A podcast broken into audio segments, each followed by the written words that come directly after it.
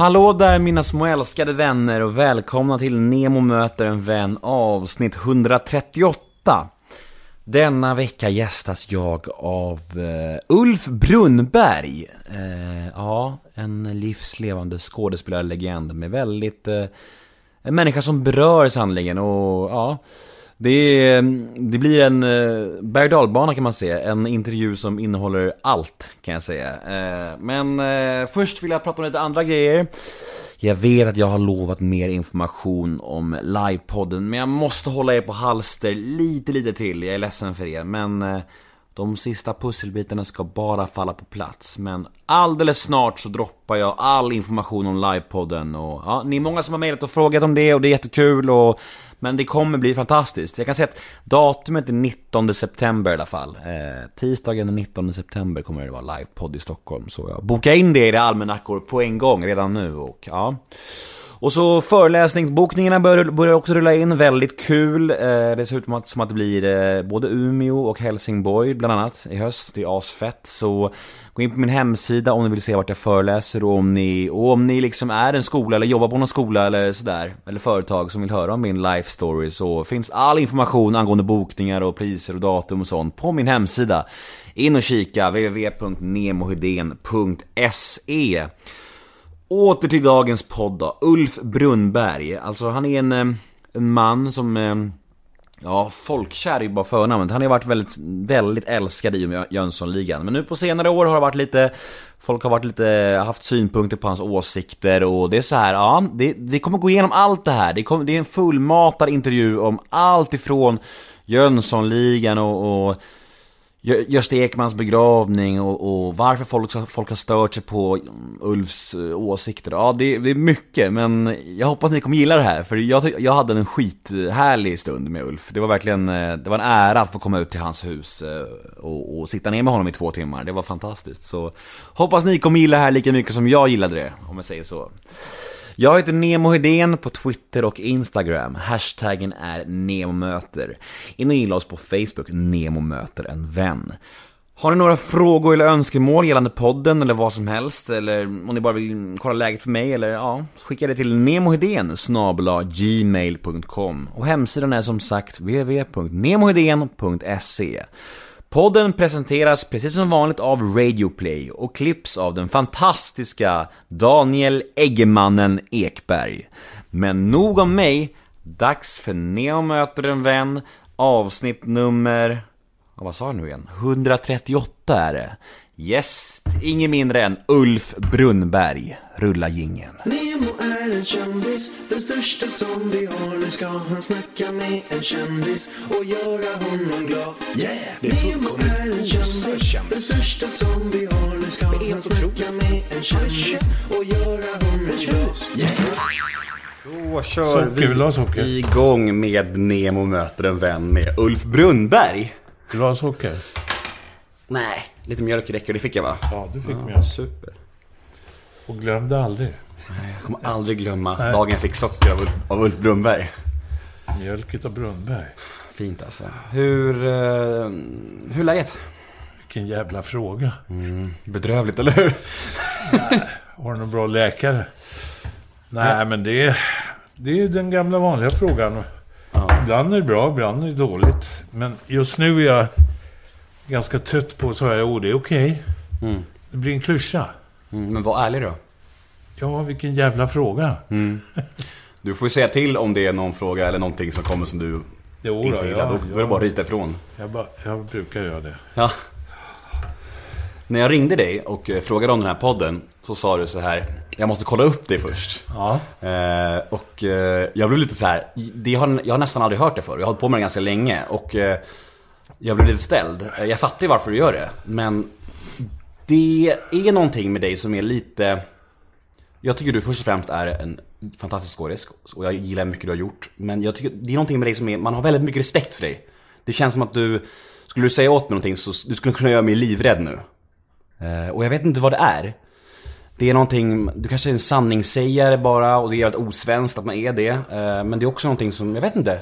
Man har en jävla respekt för vad du säger på något sätt. Ja, jag kanske har en eh, auktoritär utstrålning. Kan det bero på. Ja. Det är många som retar sig på mig som inte ens känner mig, så att det kanske ligger någonting i det. Mm.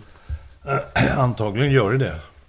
Men eh, jag har inga förutfattade meningar om dig. Det var bara det att det är så att eh, genom åren så har det blivit på det viset att det är många som vill prata med en om ditten och datten. Och det är press och det är media och så vidare. Och ibland så har det fallerat.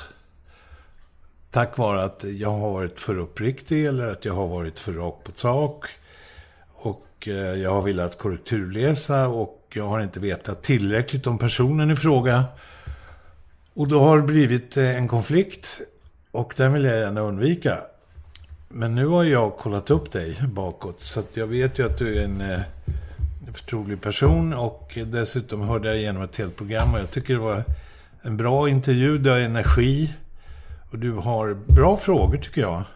Som inte är alltför intellektuellt värderade utan de är mänskliga och, och intressanta att höra svaren på. Mm. Tack! Vad glad jag blir. Ja. Det värmer. Ja. Eh, men vad har du för relation till alltså, intervjuer överlag? Trivs du att bli intervjuad, eller hur känner du inför det? Nej, det trivs man egentligen inte med. Jag, jag är en ensam varg och jag vet inte, vi sitter ju i mitt hem nu. Och jag tycker att det genomsyrar hela hemmet att jag är en liten ensam varg. Jag bor för mig själv lite på en eh, avlägsen plats som inte så många känner till och ingen hittar till. Och eh, därför vore jag tacksam om du inte avslöjar allt för mycket om det. Och sen så eh, är jag väldigt mån om min integritet och av den anledningen så vill jag nog hålla mig lite på min kant och vara lite nogräknad. Mm. Och det har också att göra med att min dotter, när hon var väldigt liten så kände hon ju inte av mitt eh, offentliga jag. Utan eh, då var det ju mest som hon undrade vad det var frågan om. Men sen på senare år, när hon eh, kom upp i högstadiet, så reagerade hon väldigt starkt på att jag eh, uttalar mig om eh, eh, feminismen bland annat. Eh, och pol eh, politiska frågor. Och eh, det slutade med att hon eh, eh, mer eller mindre förbjöd mig att uttala mig offentligt. Och jag måste ta hänsyn till det. Därför att eh, det blir en synergi när man har talat offentligt om någonting som egentligen inte hon skulle ha att göra med. Och då får hon ta konsekvenserna av det genom eh, sina studier, sin skola och så vidare. Och hon är också väldigt engagerad i idrott. Hon går ju på college i eh, Texas, i Nacogdoches och eh, spelar mer eller mindre proffsbasket. Och är väldigt beroende av att, att ha en neutral framtoning. Så därför Mm. Det var omständigt, men det var på ett ungefär vad det handlar om. Mm. Vi kommer ju återkomma lite till dina uttalanden, men eh, du får, du får helt enkelt berätta så mycket du känner att du vill om det. Alltså du, du kan säga nej också. Det är, och om det är så att det dyker upp några grejer, då klipper vi bara bort det sen också om du känner att något ja, känns fel. Det, det tror vi är överens om. För jag är så här också att jag, jag är väldigt mån om att mina gäster ska ha en bra känsla i magen liksom. Om du känner efter så här, det där vill inte jag ha med, då tar vi bort det bara. För det är det viktigaste för mig liksom. Så. Men vi blandar lite frågor från lyssnarna, lite frågor som alla gäster får och sen lite frågor som jag är nyfiken på. Så kör vi igång tycker jag. Jag, bruk, jag brukar inte vara så jävla nyfiken, svär jag. brukar inte vara så jävla nyfiken på, på barndom och uppväxt och sånt där. Men jag tänker att det är, det är bra att nudda vid det lite. Jag, jag, jag är lite nyfiken på din barndom och uppväxt. Om du skulle kolla på det och försöka hårdra lite, skulle du se det som positiv eller negativ? Eh, både och kan man väl säga, men jag kan inte kokettera med att jag har gjort någon klassresa eller att mina föräldrar var fattiga och att vi inte hade råd till mat om dagen och, och sådana saker. Vilket jag tycker att det är ett evigt koketterande om detta. Och jag vet inte varför det har blivit det i, i eh, den här branschen. Det verkar som det är en statusgrej att eh, komma från eh, arbetarbakgrund där man bodde i en etta, tio personer och och fick använda potta eller gå ut i, eh, på gården och, och göra avträde. Eh, alltså, det är inte den bakgrunden jag har alls. Utan mina föräldrar var välutbildade och eh, hade också eh, bra social ställning. Min far var ju, var ju eh, fabrikör och min mor var ekonom och jobbade åt eh, Bonniers. Mm. Och ingen av dem var väl egentligen glad över att jag eh, tenderade till att eh, tycka underhållning var intressant. För jag hade ju mer eller mindre en utstakad karriär från mina föräldrars sida. Ja, de var mer så här, skaffa ett riktigt jobb. Var ja, det kom ju fram när jag inte hade gjort det. så att eh, de var ju mer inne på att jag skulle överta och gå in i min fars företag. Och sedan eh, ja, gå, gå den, den breda vägen så att säga. Men jag valde en stig som ledde åt något helt annat håll. Och det i sin tur ledde ju till att jag är den jag är idag. Mm. Och det var en mycket besvärlig resa på ett sätt. Därför att eh, jag var tvingad att eh, föra ett dubbelliv. Genom att dels plugga och dels betala mina andra humana intressen vid sidan om med egna pengar. Mm. Som jag ju inte hade då, så länge jag pluggade. Så att jag kan väl säga att jag fick ju börja tjäna mina egna pengar runt 14 års ålder, 13-14 års ålder. Och då, då arbetade jag på ferierna. Eh, dels på min fars eh, företag på, på helger och, och, och dels eh, genom att plocka konserver på pub till exempel. Skubba med blommor och sådana saker. Och jag sov inte så mycket alltså, under min studietid. Det gjorde jag ju inte. Jag vet inte hur mycket sömn man behöver i den åldern, men jag sov nog inte mer än fyra, tre, fyra timmar i snitt varje dygn. Men du fullföljde ändå skolan? Ja, det gjorde jag. Jag tog en examen och skulle fortsätta på teknisk. Men där hoppade jag av. Eh, utan mina föräldrars vetskap. Var det uppskattat? Nej, det var inte det. Så jag åkte, jag åkte faktiskt ut. Oj! Ja, utan jag fick... Eh, Eh, min farfar fick tio öron spark, kommer jag ihåg att min eh, far berättade. Och klarade sig själv när han var 13, 14. Och han kom ju från Brunna gård, det som numera är Brunna i Kungsängen. Eh, och han blev ju grosshandlare och han klarade sig, så tänkte jag, skulle jag fixa det här också. så att jag, jag var väldigt mycket ambivalent när det gäller bostäder och, och natthärbärgen har jag inte legat på, men jag, jag lyckades klara mig genom de där värsta åren och hade det inte allt för dåligt, det ska jag inte säga, men, men nog var det kämpigt. Mm. För att få göra det som jag kanske inte brann för, men som jag hade intresse för. Mm. Det var nämligen så att när jag sitter och räknar hållfasthetslära eller eh, maskinkunskap, jag var maskinare, och med räknestickor och får approximativa värden och ska sitta och handräkna dem sen på tentorna. Jag höll på att bli tokig. Och fysik, kemi, det är inte min starka sida. Det var inte ett intresse. Därför fick jag ju råplugga, va. Och det var ju som att spela schack och inte veta var pjäserna egentligen gick. Men när det gäller historia, när det gäller litteratur, när det gäller film till exempel, varje söndag, en krona till matinén, varje söndag gick jag på matinéföreställningar och såg... Ja, det var ju svartvit film och det var hela och halvan, Tarzan och det var lite av varje. Charlie Chaplin. Ja. Knäppa upp Povel Ramels, det var ju inte särskilt gammal. Eh, och sen fick jag ju berätta det här då på roliga timmen. Då tyckte hela klassen det var kul när jag berättade filmen. Och jag hade väl någon form av dramatisk begåvning där. Kände du direkt där på roliga timmen att du hade någonting liksom i just det liksom? Det var någonting jag ville berätta. Mm.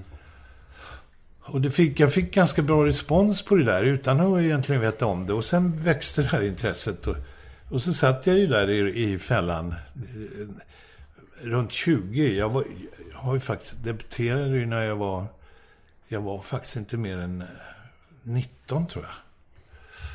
Och, och eh, var ute på en riksteaterturné med, med skolteaterföreställning. Och sen vart det Marseillesteatern.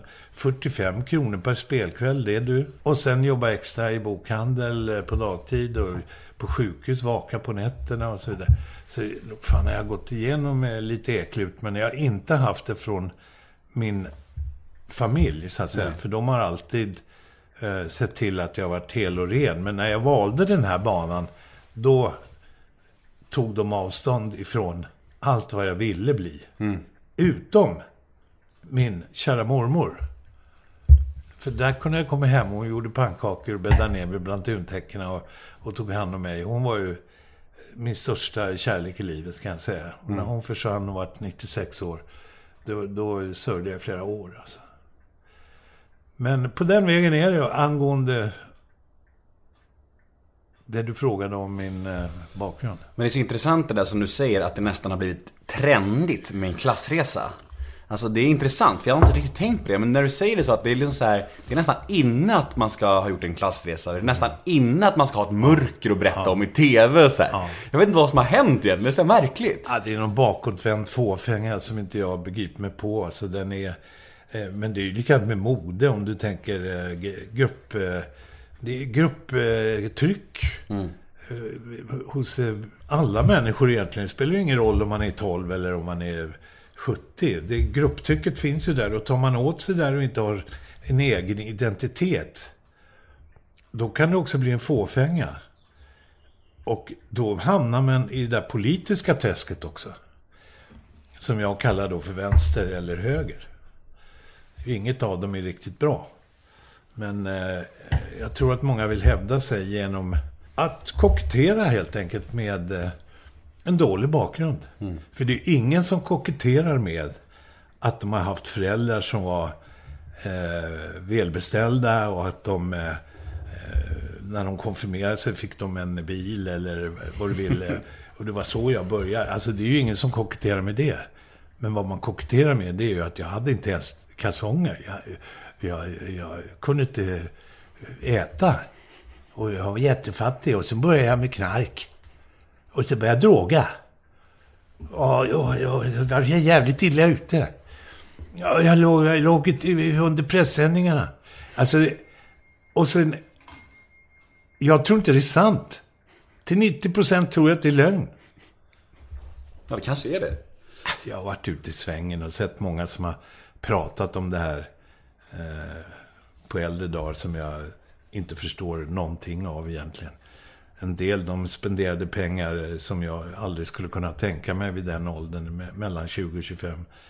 Eh, men det är de som säger att de har haft väldigt dålig bakgrund och de har, åh, de har haft det så svårt. Mm.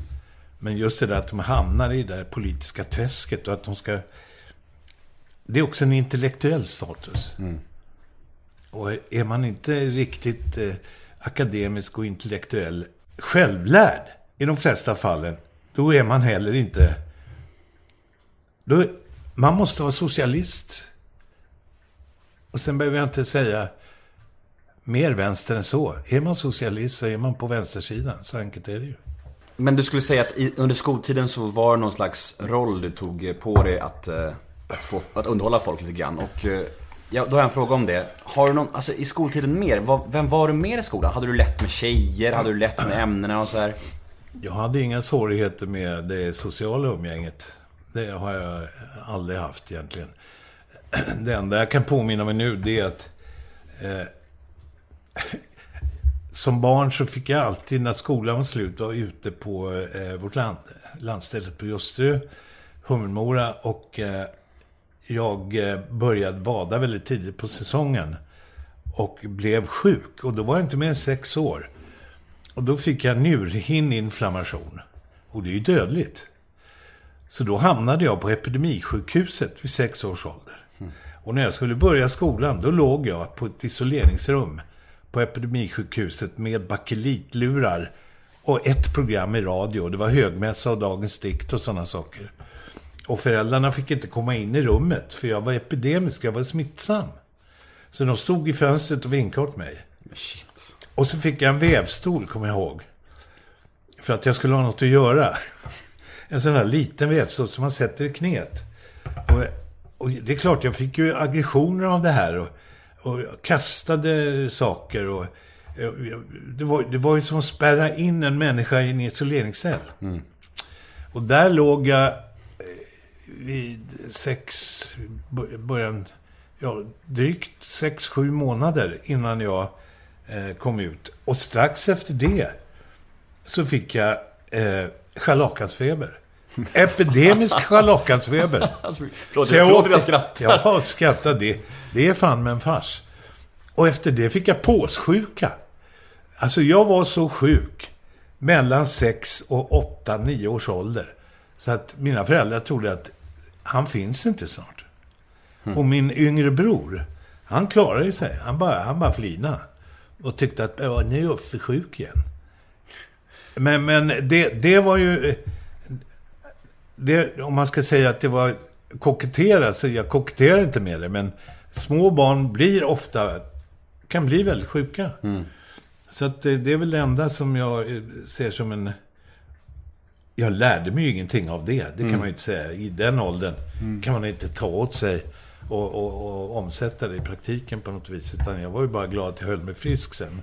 Men det är klart, det var ju mycket att ta igen när man hade varit borta. Mm. Och vart jag ville komma, det var att jag var främmande fågel i den klass jag hamnade. De undrade ju vem jag var som plötsligt kom in. En liten tunn människa som hade varit sjuk så mycket. Så där var det ju... Men jag hade aldrig några problem med, med mina vänner och mina lekkamrater, eller man ska säga. För att vi bodde ju i Bromma i Södra Ängby och det, det har nog lite grann med den, den bakgrunden av de barnen att göra.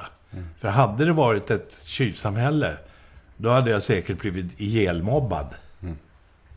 För jag var ju en liten snäll, oskyldig gosse som hade varit så fruktansvärt sjuk. Va? Så att, eh... Du var snäll på den tiden ja, vad hände sen? jag skojar bara. Tänd cigaretten nu. Mm. Vi måste fråga om dina cigaretter. Det här är tre tredje cigaretten på ah. 19 minuter. Nej, nej. Andra är det. Ljug inte, du ska inte ljuga. Nej, jag skojar. Det var lite elakt. Men jag måste fråga om din rökning. Hur, hur mycket röker du? Ja... Ibland kan jag röka fem om dagen. Ibland fem kan... paket om dagen? Nej, fem cigaretter om dagen. Men, för att dra den värsta grejen så kan det bli... Eh, ja, om jag sitter på en bättre lunch eh, där jag får röka. Eller jag sitter på ett möte utomhus eller någonting. Då kan det bli ett och ett halvt, två paket om dagen. Ja, jag, jag, intervjuade Plura för några månader sedan och han rökte tre paket om dagen. Så det finns ju ja, alltså folk det, som värre. Det kan jag. Min mor rökte. Hon var storrökare. Hon slutade röka när hon var 75. Och månaden efter blev hon dödssjuk. Mm. Och det är ju, hon var ju nikotinist. Och min far rökte cigarrer, men uh, han, han, uh, han puffade ju mest, så det var ju inte så farligt. Det gör ju inte jag. Jag drar ju feta halsblås hela tiden. har du fått några konsekvenser, alltså fysiska konsekvenser av ditt, rök, av ditt rökande?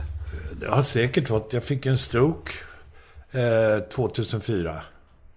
Och det kanske hade med, med cigaretterna att göra. Mm. Det, det kan inte jag eh, svära på att det inte var så, men, eh, men eh, det är klart att det kan vara en bidragande orsak. Och varje gång jag är på hälsoundersökning och så vidare så, så gör man ju en, en kontroll av andning och sådana saker. Och det är klart att den är inte som den var för 10-20 år sedan. Utan jag märker ju att eh, jag märker ju att det är lika fort det gick att få skägg, lika fort går det att åldras. Att jag tappar skägget om du förstår vad jag menar. Mm. Så att eh, det är klart. Men eh, vad fan, det blir så tråkigt utan cigaretterna så jag, mm. jag har svårt att vara utan dem. Och så länge det inte är en drog som är förbjuden eller någonting som jag är eh, akut beroende av så, så tycker jag att då är det okej. Okay. Ja. Men jag måste bara fråga, du, du, du, du nämnde stroke. Hur är det att få en stroke? Vad händer då? Ja, hur ska man förklara det? Jag hade sällskap av... Eh, jag skilde mig eh, 98 har jag för mig. 98, 99. Jag hade sällskap av en dam som var väldigt eh, klok nog. För jag fick... Min bror bor i eh, Staterna i Sunny Valley utanför San Francisco, det som ingår i Silicon Valley. Han är här på somrarna, han har ett ställe ute i skärgården. Och han skulle hälsa på mig innan han drog iväg hem. Han brukar vara hemma tre månader. Och han är också företagare. Då var han redigt förkyld. Och jag sa till honom, kom inte till mig då. Därför att det har väl antagligen med den resistenta situationen jag kom att befinna mig i från barndomen. Att jag är lätt, har lätt att få infektioner. Lunginflammation till exempel, det får jag ganska ofta. Och det är ett elände kan jag säga. Men jag fick den här influensan eller infektionen och fick ganska snart upp temperaturen i kroppen till 39 grader. När jag hade legat i 41 grader i tre dygn och hade en huvudvärk som inte jag kan beskriva. Jag skulle vilja säga att det var som att sitta i ett skruvstäd där man vred sakta in det här skruvstädet. Jag hade sån huvudvärk så inga värktabletter, ingenting gällde. Och till slut var ögonen på väg att proppa ur skallen på mig. Och då säger hon så här, nu ringer jag en ambulans, för hon hade talat med en läkare. Ja, det här lutar ju åt att det kan vara en blodpropp eller något sånt. Jag kommer in på neurologen på Karolinska och de konstaterar att jag har en stroke. Och det var en jättepropp som sitter bak höger öra och fram nästan till framsidan av örat. Så att jag Vad tänker man då? Ja, jag, jag var inte särskilt medveten om Nej. var jag hamnade. Utan jag hamnade på neurologen och åkte in i... Head over to Hulu this March where our new shows and movies will keep you streaming all month long. Catch the acclaimed movie All of us strangers starring Paul Mescal and Andrew Scott. Stream the new Hulu original limited series We Were the Lucky Ones with Joey King and Logan Lerman. And don't forget about Grey's Anatomy. Every Grey's episode ever is now streaming on Hulu. So, what are you waiting for? Go stream something new on Hulu. Hey, I'm Ryan Reynolds. Recently, I asked Mint Mobile's legal team if big wireless companies are allowed to raise prices due to inflation. They said yes. And then when I asked if raising prices technically violates those onerous two year contracts, they said, What the f are you talking about, you insane Hollywood ass? So to recap, we're cutting the price of Mint Unlimited from $30 a month to just $15 a month. Give it a try at mintmobile.com slash switch. $45 up front for three months plus taxes and fees. Promo for new customers for limited time. Unlimited more than 40 gigabytes per month. Slows. Full terms at mintmobile.com. I eh, sådana skiktröntgen och alla undersökningar du kan tänka dig och hade slangar överallt. Mm. Det, det var förfärligt. Och jag den där jävla huvudvärken, det var den jag ville bli av med. Det var nästan så att jag önskade att låt det ta slut alltså. Mm. Det här dämpades efter några dagar. Och då började normalisera läget, men febern gick ju sakta ner och så vidare. Samtidigt hör det till saken att jag spelade på en Intiman och gjorde hur man lyckas i affärer. Och Hasse Wallman hade den teatern då. Och jag gjorde klart för honom att du kan nog inte räkna med mig i höst. För det här var då i augusti och vi skulle igång i slutet på september med nypremiär. Och sa du, må, du måste ersätta mig. Aldrig i helvete, det där fixar du. Så att när jag körde igång på hösten, då låg jag på en bår. Bakom scenen. Vad bisarrt alltså. Ja. Och eh, Kim Sulocki som var eh, min logekamrat då. De fick hjälpa mig in och, och jag gjorde den ena scenen efter den andra. Inte jag hade inte potentialen att göra den 100% men jag gjorde... Det jag gjorde, gjorde jag väl 75% då. Men sen var jag så slut va. Så att det var snudd på att jag klarade mig hem efter föreställningarna. Mm. Men jag tror också att det kan ha varit bra att jag gjorde det. Därför att ligga och vara passiv efter en stroke, det tror jag inte heller är bra. Men jag var väldigt nära att stryka med, det kan jag säga. Ja, men vi återgår till eh, skoltiden är vi förbi. Eh, sen så... Du gick Kalle, Kalle Flygare va? Eller? Ja. Ryktena säger att du gick ihop med Christer Pettersson. Ja, han gick... Eh, eh, när man söker in till den skolan får man gå en provmånad. Mm. Och då måste man bevisa att man har eh, någon form av begåvning, disciplin. Eh, och, och sinne för det här. Och Christer gick i den provmånaden, men han blev religerad under provmånaden. Så att han var ju ett... Eh, Nästan en bragd. Ja, men, men det var ju ingen som visste... Jag visste ju inte, han gick ju i klubbkavaj och var välklädd och... Men han var inte disciplinerad, det kommer jag ihåg. Var ni kompisar eller? Nej, inte alls. Utan det hände väl att man eh, satt någon gång och, och tog en eh, kaffe på något café eller någonting. Men han ville nog gärna bli kompis tror jag. Men jag var inte på samma... Jag var, jag var inte på samma plan kan jag säga. Han hade ett språk som inte var mitt. Och, eh, det, var, det var lite för mycket... Han var lite för mycket typ redan då kan jag säga. När skulle du säga att det liksom lossnade? Kan man, kan man säga så att man har ett ögonblick när man känner så här, fan det här är jag bra på, det här kommer jag kunna leva på. Har du något sånt ögonblick i karriären? De ögonblicken fanns ju varje gång man gjorde... Varje gång man fick en uppgift så var det ju liv eller död. Vinna eller försvinna. Och så var det ju väldigt mycket eh, i, i eh, debutantåren. Därför att jag måste vara bäst. Jag måste vara outstanding. Och jag måste till varje pris eh, disciplinera mig så att eh, jag stack ut, eller i sammanhanget, att det, att det blev trovärdigt. Och, och efteråt så här kan jag säga att en skådespelare som inte kan ljuga trovärdigt, det är ju hemskt att behöva säga, kan aldrig bli någon bra skådespelare egentligen. Och därför så har jag väldigt svårt att ta kåren på allvar ibland. Och därför har jag själv blivit, blivit eh, nästan eh, eh, sjukligt, eh, eh, sjukligt eh, avståndstagande från allt vad lögner heter. Är det så? Ja, faktiskt. Är du ärlig i alltid? Ja, jag är ärlig och eh, jag, jag kan inte ljuga för min dotter ens. Jag kan inte...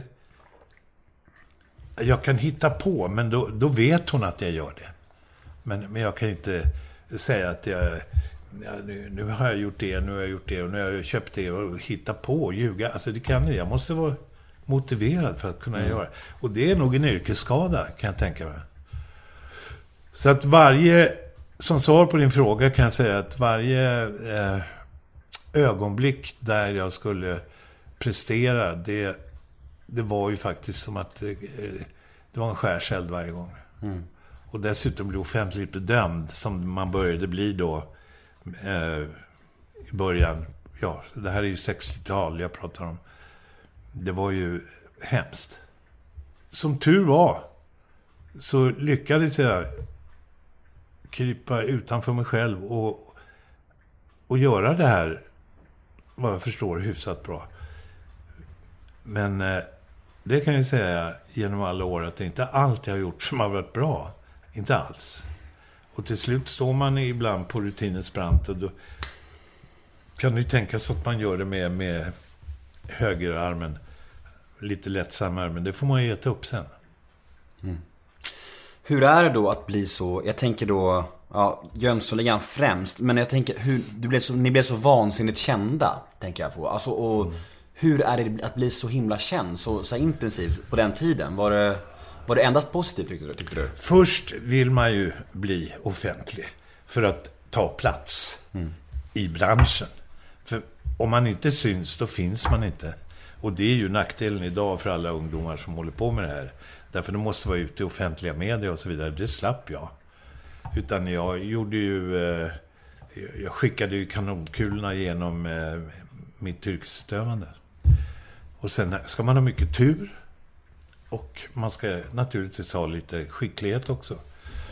Eh, och att hamna i offentligheten, det var bara en bonus i början. Men sen kan det bli en fruktansvärd belastning. För du måste ju tänka på hur du för dig ute bland folk. Hur du eh, eh, ser ut, hur du eh, uttalar dig och försöka vara verbal och, och få respekt för, för det du gör. Vilket jag tycker att många inte strävar efter idag. Utan det är jävligt mycket trash i branschen. Och dessutom är det ju så att du måste ha ett utseende som, som går att använda om du ska synas på, på film eller teater och så vidare. Ibland undrar man, den här människan, vad tänker den på? Vad, tror han att han ska bli skådespelare eller? Kraven jag har sänkts. Och min största mentor i det här fallet, det var ju... Jag var relativt ung när jag träffade Edvin Adolfsson. Som folk idag inte vet vem det var. Det var ju alltså en av, skulle jag vilja säga, Skandinaviens största, eh, nu vill jag inte använda ordet stjärna, men yrkesmänniska. Och jag fick ju möjligheten att göra en tv-serie med honom. Jag ringde upp honom och presenterade mig och frågade om jag fick träffa farbror Radolfsson. Och det fick jag. Och sen var jag jävligt rak alltså med honom. Och sa bara som det var, att jag har en otrolig respekt för farbror Adolfsson. Och du har ju skjorta och slips och, och, och, och bena och hela köret. Och han uppskattade det. Och han sa, fan, du, du, du det här uppskattar jag. Och det här ska nog gå bra. Men när vi började arbeta sen, då var jag hans antagonist. För han hade ju sitt sätt att göra på, det på. Och jag hade en, en uppfattning. Och till slut så, vi fann varandra där va. Och hon, han blev ju min, ska jag säga plastpappa? Om man använder ett nytt uttryck. Så att från 67 till han dog, då var han 86, så pratade med, vi pratade med varandra varje dag. Eh, vi åt middagar ihop, vi umgicks. Och, och eh, till den dagen han eh, gick och dog. Och idag så lever hans änka. Hon är 95 år. Oj. Och henne är jag hos titt som tätt. Och hon har inga egna barn. Utan hon har mig. Och sen har hon en eh, styvson som heter Leo Kullborg, som är en underbar människa. Som var hans sista barn som dök upp i hans liv. Som han egentligen inte kanske han visste om, men som han inte hade förmåga att ta in i kullen. Mm. För han hade sju barn. Shit. Ja. Och, och massa fruar alltså. Och han brukade bjuda hem dem på julafton. Allihop! Tomten är far till alla barnen. Ja. I, in real life. Ja, faktiskt. Och den här var en fantastisk människa. Och Ulla har också varit fantastisk. Och hon har varit behjälplig i alla år. Från det jag var 20, 20 21 år var jag väl, där jag gjorde Johan i, i Markarets. Och, och, vi har umgåtts... Vi, hon konstaterar, vi har, ju, vi har ju varit vänner i över 50 år. Det är ganska fantastiskt. Mm. Men det har jag blivit med många. Som tyvärr har gått bort. Stig Grybe nu, Magnus Härenstam, Brasse Brännström. Alltså det är så många, Gösta. Det, det där är inte roligt. Nej, vi kommer återkomma till det. Jag tänker lite på, det är så här, jag, jag la ju upp ditt namn på mina sociala medier. Mm. Och sa att jag skulle träffa dig. Eh, och många är ju väldigt, eh, har ju frågor om Jönssonligan. Och jag vet att din eh, relation till det är ju lite komplex. Att du är lite delad. Att, det, att du är så här, ena sidan är du less på att snacka om det, andra sidan så kan du förstå att folk är nyfikna på det har jag förstått. Men det är ju ungefär, jag tänker att det är ungefär som att vara en artist och ha en, alltså en superhit. Och att folk vill höra den live. Eh, jag kan förstå att du är trött på det, men kan du samtidigt förstå att folk är nyfikna och vill prata, prata om det liksom? Självklart. Det är ju lika eh, som att jag är intresserad av helan och halvan. Mm. Eh, som jag bara gapar när jag ser och fattar inte hur i helvete gjorde de? Och hur tänkte de? Och vilka små medel? Alltså, tyvärr så är det så att Charlie Chaplin är ju minst lika skicklig, men det är ju helan och halvan som jag tycker är de kan jag säga hur mycket som helst. Om och om och om igen. Och, och undrar över hur... Och det var ju Stan Laurel som eh, gjorde alla gags. Oliver han var mest eh, road av att spela golf. Och så gifte de sig stup i kvarten hit och hit. Men i alla fall, när det gäller Jönssonligan så fanns det ju ingen avsikt när vi började med det där att det skulle bli en sån eh, framgångssaga som det blev. Eh, och, och, det är jag ju hemskt tacksam för att det blev. Men den var ju tvingad, konceptet var ju tvingats, har ju tvingats att konverteras gång efter annan. Nisse Brandt försvann ju efter eh, tvåan. Då kom ju Dynamit-Harry, Björn Gustafsson. Och honom fick jag strida för att få med. För han var ju sån tung konstnär. Och gjorde svåra grejer med Allan Edwall och Dramaten och så vidare. Men jag hade... Jag tyckte att det var en komisk talang utav Guds nåde. För vi arbetade på Stadsteatern i Stockholm. Och jag tänkte, du, du, du, måste, det måste gå. Men där fick jag jobba lite hårt alltså för att få med honom. Och eh, så Siw Malmkvist var väl duktig och bra på sitt sätt, men hon byttes ut sedan mot Birgitta Andersson. Och sen hade vi hittat A-laget, om jag säger. Det var Gösta, Björn, jag och Birgitta. Och, och det var geschwint.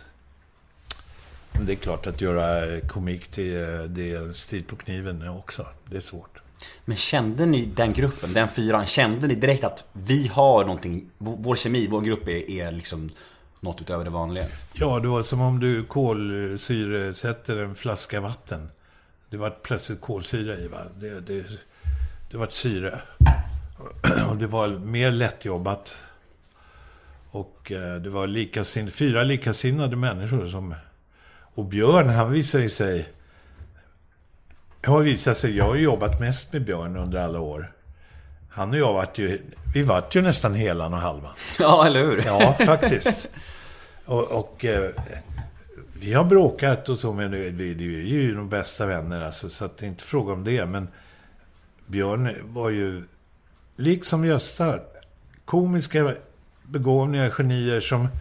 Ah, det kanske inte är riktigt fint att jobba med det här. Nu ska jag göra något tungt här nu. uh, nu gör vi lite uh, Strindberg, Shakespeare eller vi gör något avantgardistiskt. Uh, och då hamnar jag på hyllan bland uppslagsböckerna igen. Hade du lite så här, inte mindervärdeskomplex, men alltså att du inte kände dig lika finskådig som dem eller? Nej, det har jag aldrig tänkt på. Nej. Nej. Därför att pengar har också varit en drivkraft hos mig. Och, men man kan inte tjäna pengar om man inte gör ifrån sig bra. Man måste vara bra. Mm. Annars går det inte. För att fuska i, den, i det här yrkesutövandet, då, då, då är man borta på två röda.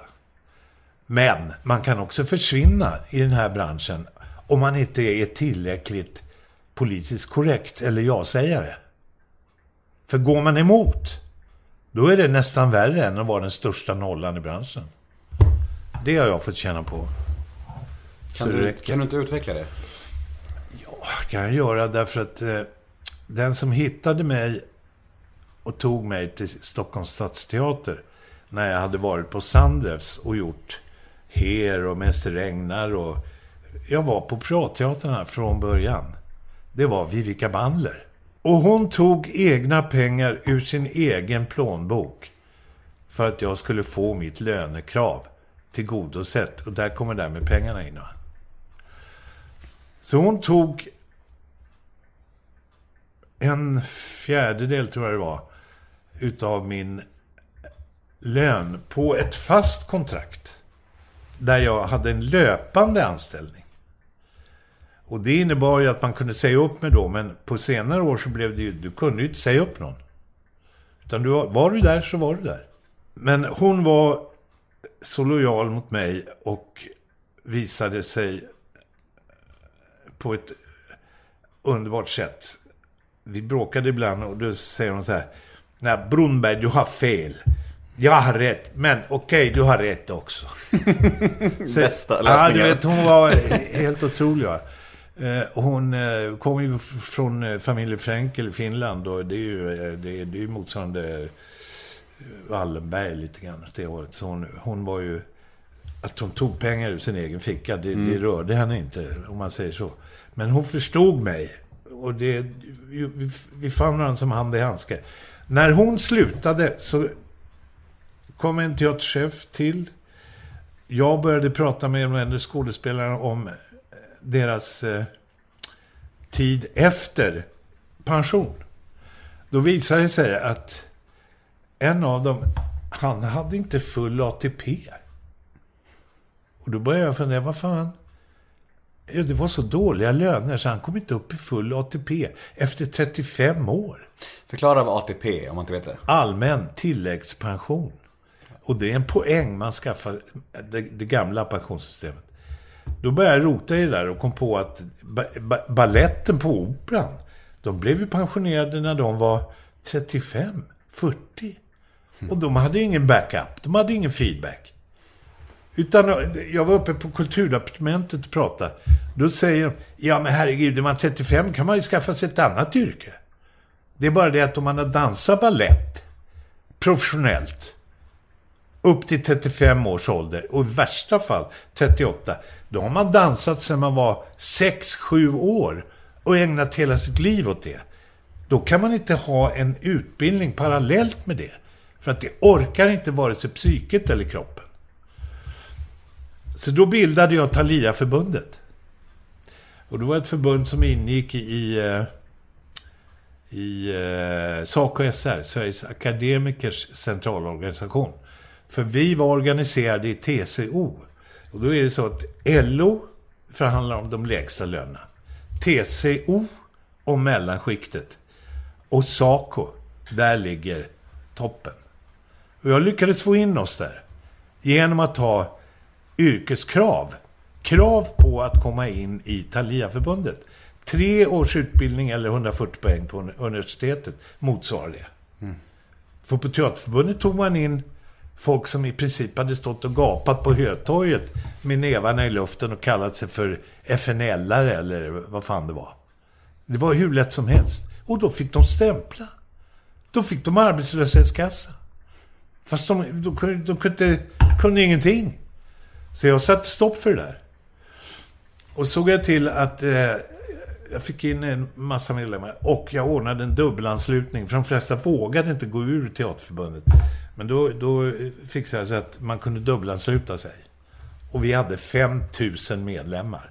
Shit. Sen började Thomas Bolme bråka med mig och kalla mig för fehund och Allan Edwall också. Likadant. Jag kommer aldrig att jobba med någon som är med i Thalia-förbundet och så vidare. Så jag fick yrkesförbud i tre, fyra år efter det. Men shit. För att jag gjorde det här. För artisterna. Och det var ingen egentligen som var riktigt lojal. Så att eh, eh, jag blev ju uppkallad till SVT, till dramaavdelningen, teaterchefen där, dramachefen och, och den ena efter den andra sa Brunberg, du är hopplös och bara bråka. Så jag fick skott för det där, men det slutade med att vi fick ett trappavtal, varav jag, jag tror det var 25-30-procentiga ökningar av, av dels ingångslöner och dels att man fick en bra slutända på sitt yrkesutövande. För alla var ju inte stjärnor. Utan alla fick ju gå på avtalsenliga löner som Teaterförbundet då förhandlade om varje år. Men de lyckades ju inte med någonting. Men Thalia-förbundet lyckades. Mm. För jag satte hårt mot hårt. Och menar på att vi, vi, lägger ner. Jag var beredd att, vi var beredda att lägga ner produktioner som var på gång på rull. Det blir ingen premiär. Det blir ingen mer inspelning. Då hade vi redan gjort 15-20 dagar va? på en film till exempel. Så att det, det var ju panik och då integrerades Teaterförbundet med Thalia-förbundet. Så de, Teaterförbundet köpte de frågorna som vi hade fixat. Och på det viset lyfte sig Teaterförbundet och vi fick slut på konflikten. För det som kallades för att jag splittrade yrkeskåren. Det var, det var den motgången. Sen kom nästa och då hamnar Benny Fredriksson som chef för Stockholms stadsteater. Då hade jag satt upp mig på Stadsteatern. Jag var en av de få som sa upp mig överhuvudtaget. För jag tyckte det var usel lön och jag var mer intresserad av att göra komedi. Då, då började jag med Olle Kink på Folkan. Känner du till? Mm. Eh, där var jag i tio år säkert. Och sen så... Eh, Olle och jag blev lite osams för jag tyckte att eh, vi kan inte fortsätta göra samma pjäs gång efter annan. Utan jag vill ju göra revy. Så jag eh, gick i clinch med Lennart Karlsson. Som hade Ballakinekedjan. Aladdin och du vet, mm -hmm. slips och hela mm. det där. Men han hade väldigt fina restauranger och var välskötta. Så jag tog ett snack med honom och jag hade ett produktionsbolag. Vi gjorde eh, tv-program, men vi gjorde SP-film, Sales Promotion-film för industri och näringsliv och det pinnade på. Och jag erbjöd honom att vi skulle göra dansbandskvällar. Han hade ju dansband då, danskrogar. Och så fan, vi direktsände det. Folk gillar det här med dansband. Men det, det blev aldrig så. Men det blev däremot så att vi började göra teater ihop. Mm. Och då hade han skrivit ett avtal med gamla Stadsteatern. Som då var Dansens hus. Men de hade inga pengar. Så de behövde ha hjälp till hyran. Så vi hyrde den från hösten till nyåret.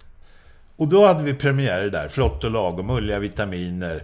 Uh, ja, gjorde massa grejer. Och sen flyttade jag de föreställningarna till Göteborg och Malmö. Och sen drog jag dem på turné.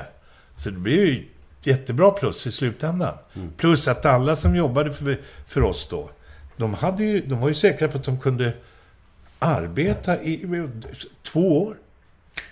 Så var saken klar. Men, när jag hade varit där ett tag så, så hörs Stadsteatern av sig. Och, och eh, ville att jag skulle komma och göra någonting. Vad fan var det? Jag, jag var där i alla fall ett par år. Och fick eh, hyfsat betalt. Och, men jag kände Stadsteatern, det är past. Alltså det är, alla snackar politik. Och det var jävla massa Palestinasjalar och skit överallt. Sandaler och... Äh, det här, det, det, är nog ingenting för mig.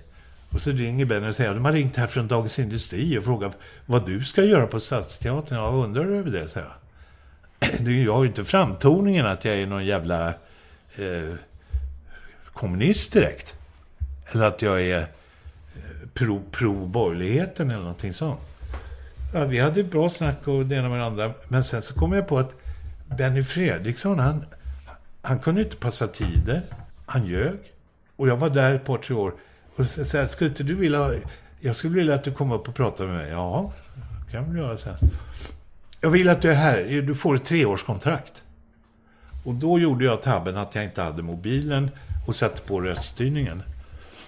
För då jävlar namma, då hade han suttit dåligt till. För han ljög så klockorna stannade. Sen dröjde det ett och ett halvt, två år. Han hörde inte av sig. Så min agent hörde av sig. Hör, låg det någonting i det där du sa? Ja, fan jag måste ha möte med honom.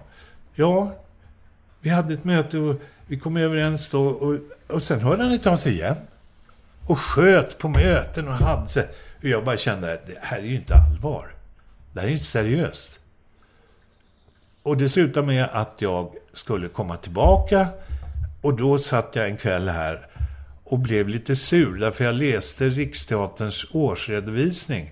Och det är alltså dina pengar som går, dina skattepengar och din, mina skattepengar till Riksteatern, Stadsteatern, Dramaten. Och då såg jag att siffrorna, för, det, det här är ju friserat. Man måste ju lära sig att läsa en årsredovisning. Så man ser hur och var. Man läser det här. Det ser man igenom ganska snart. Då skrev jag en artikel att jag nu skulle eventuellt till Stadsteatern, jag kommer inte ihåg hur det var, Expressen tror jag han kom ut. Och då skrev jag bland annat att jag skulle till Stadsteatern, det ska bli intressant att vända på stenarna. Och det tog ju Benny åt sig. Direkt. Och jag märkte ju hur han, hur han fantiserade och ljög och hittade på. Så han ville ha ett möte med mig. Och så visade han upp artikeln. Och så, fan kan du skriva så här? Det här drabbar ju mig. Vad menar du? Så här? Det är väl... Har man inte yttrandefrihet? Vad är frågan om? Jag får väl säga vad jag vill. Utan att du ska... Ja, så, jag var anställd. Ena veckan. Sen blev jag uppsagd. Två veckor efter. Jag har avtalen här bredvid mig på kul. Slutreglering. Ja, du vet. Och från den lön jag hade när jag var där sist, så sänkte han den 35 procent. Och så tänkte jag så här, jaha, nu tror han att jag ska torska in mig det här, men det gjorde jag inte.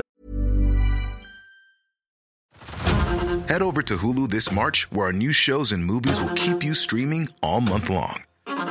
Catch the acclaimed movie All of Us Strangers, starring Paul Mescal and Andrew Scott. Stream the new Hulu original limited series We Were the Lucky Ones with Joey King and Logan Lerman. And don't forget about Grey's Anatomy. Every Grey's episode ever is now streaming on Hulu. So, what are you waiting for? Go stream something new on Hulu. Say hello to a new era of mental health care. Cerebral is here to help you achieve your mental wellness goals with professional therapy and medication management support. 100% online. You'll experience the all new Cerebral Way, an innovative approach to mental wellness designed around you. You'll get a personalized treatment plan from a therapist, prescriber, or both in a safe and judgment free space. Your cerebral therapist or prescriber will outline a customized plan with clear milestones along the way so you can get to feeling your best. With Cerebral, you're not alone in your mental health journey. We're here to empower you to live a fulfilling life. So take that first step towards a brighter future and sign up today at cerebral.com slash podcast and use code ACAST to get 15% off your first month. Offer only valid on monthly plans. Other exclusions may apply. Offer ends July 31st, 2024. See site for details. Utan jag... Eh, jag skrev på det på villkor att han fick betala ett eh, skadestånd. Ett avgångsvederlag. Och det sved. Hur mycket var det? Ja, det var mycket. Det var mycket. Men eh, egentligen är det ju så här att... Eh, du vet ju nu idag att Stadsteatern ligger back mellan 90 och 100 miljoner. De har en budget som är gigantisk. Och det är dina pengar. Och det, det, man använder inte pengarna ansvarsfullt. Och det gör man inte på Riksteatern heller. Och Riksteatern är jag rädd att det, det verkar ungefär som att Kulturdepartementet vill lägga ner en folkrörelse som nästan 80 år. Och vad Stadsteatern beträffar så de måste ju redovisa färg snart. Och det är styrelserna, inkompetenta styrelser, som har tillsatt respektive chef. Som manipulerar med våra skattepengar. Och då kan man inte göra teater där det sitter 20, 20 i salongen. Man måste göra saker som folk vill se. Ja, det här är en lång historia. Vi kunde prata en hel jävla dag om det här. Jag tycker det är kul, du brinner för det, det är fint. Ulf Brunnberg drar dra på rant, kan man säga. Men vi, ursprungsfrågan var, handlade ju faktiskt om Jönssonligan. Ja, jag gjorde det. Men grejen är att vi har lite, lite frågor om det som vi kanske kan beta av. För att det är många som är nyfikna på det och jag har lovat mina lyssnare att fråga några grejer om Jönssonligan. Gör det, gör det. Ja. Eh, hur mycket var improvisation? 5 procent. Resten var på millimetern. Om det inte var så att eh, det hände något i situationen där man hade en chans att göra tagningen på. Bland annat kunde det vara en sån sak när vi, vi backar en bil över en kaj. Och den skulle ju ha stannat precis. Men den var ju på väg att åka ner. Och vi höll på, hade vi åkt ner där hade vi ju... Och det var ju, där var ju vi tvingade att och, och, och köpa situationen som det var. Det blev ju bra. Men ibland så befinner man sig... Vissa stuntgrejer gör vi ju själva. Och Gösta, han vill ju göra allt själv. Men han slog sig mest också. Hur kom eh, karaktären Vanheden till? Jag har eh, studerat karaktärer omkring mig hela livet. När jag gjorde Johan i min stad satt jag på Eh, där A-lagarna sitter och åkte tunnelbana mycket och studerade hur folk pratade, hur det var och. Och, den här gubben, det, det här, här hade jag sett då en eh, person som var försäkringsdirektör och körde Porsche. Men han snackade så här, vet du. Ja, vad fan, det där är lysande, vet du. Den där byssen, den, den fixar jag, vet du. Han körde det tugget. Sen hade han en annan bekant till mig som skulle vara lite rolig. Då började han pudla, puta med arslet och han dansade så jävla dåligt. Så han var tvingad att kompensera sig med rumpan sådär. Det, det, det där. Så då hittade jag kroppshållningen och så hittade jag språket. Och eh, det här. Och näsvicken eh, och så vidare. Jag la, la till en fyra, fem olika komponenter. Och, och eh, prövade figuren. I sällskapslivet. Och det visade sig att den funkar, så jag körde den. Men då, då var det ju så att jag fick höra att äh, ta inte i, ta ner, ta ner. Och då var jag envis igen. Och då sa jag, nej, nej, nej, nej, det blir så här. Och det blev det. Ibland är det för mycket, det kan jag hålla med om. Ibland är det nästan för lite. Så att, men det är den karaktären i Jönssonligan som sticker ut kanske mest, har jag märkt, bland publiken numera. Mm. Ja, jag tror att det är den karaktären i Jönssonligan som också blev eh, populärast och mest omtyckt. Alltså för att han var en väldigt likable om man säger så. Alltså Ja. det är lätt att tycka om honom. Jag har förstått det. Har förstått det. Men hur mycket av eh, Ulf Brunnberg är i, är i Vanheden? Det finns ingenting där. tycker, tycker du verkar så? Jag, ty, jag, tror, jag tror en sak. Vadå? Kvinnokar. Nej, fan inte ens det. Inte? Nej, Fan då. inte ens det. det jag har... Jag har aldrig varit sådär så att jag... Jag, jag är inte promiskuös. Nej. Och, och jag har haft långa förhållanden. Och förhållanden, det innebär att jag har varit förlovad. Tre gånger. Inga, inga korta kostymer heller. Nej, nej. Men det är ju hipsterna som går... Det, Vanheden bildade ju en, en ny trend, det har Ja, du sett med det kommer tillbaka nu, det kommer tillbaka nu. De ser ju ut som Vanheden allihop. Hela, Södermalm, hela Södermalm. Ja, hela jävla Södermalm. Och till och med folk sitter ju och uppträder i TV med de där jävla hattarna. Det är ju inte klokt. Det var en kul figur. De är ju kul figurer allihop, tror de. Nej, det är inte klokt. Men hur minns du tillbaka på den tiden då, om du ska sammanfatta den Jönssonligan-tiden? Alltså, eh, var det endast positivt? 70, 70% positivt, 30% negativt. Blev ni svinrika? Nej. Ja. Ja. Nja. Halvrika? Ja. Jag, jag, har, eh, jag har tjänat mina pengar på mina affärer. Och jag har haft företag, produktionsbolag och jag har haft... Jag hade 100 personer på lönelistan ett tag. Så att det, jag har tjänat mycket pengar. För pengar är ju, det är det primärt viktiga om, om du ska... Jag menar, annars hade du inte suttit här. Jag hade inte... Jag har haft... Eh, jag hade ju ute i skärgården, ställe i Spanien och jag, jag, jag åkte business class när jag flög. Och, men det var ingenting som jag gjorde bara för att spänna mig på något vis. Utan det var en förutsättning. Jag jobbade hårt. Jag tyckte jag kunde kosta på mig det. Men jag kraschade ju 98. Det vet du inte. Det har vi inte pratat om än. Det är du. Jag läste det någonstans, att du, blev, att du nästan blev ekonomiskt bankrutt. Åh, jag var på väg att ta livet av mig. Så var det. Och då fick jag sälja mig nu ute i skärgården. Jag fick sälja Spanien.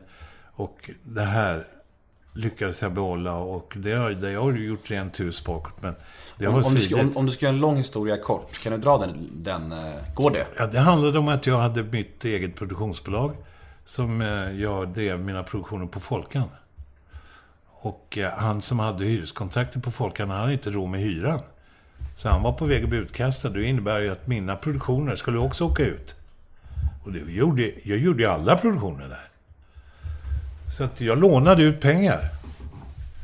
Och sen eh, rent juridiskt så var det så att hyresvärden kunde hämta kassorna. När vi hade haft föreställningar så går man ju med kassorna till banken. För då fanns ju inte kort i den utsträckningen. Så att eh, jag blev av med kassorna där också.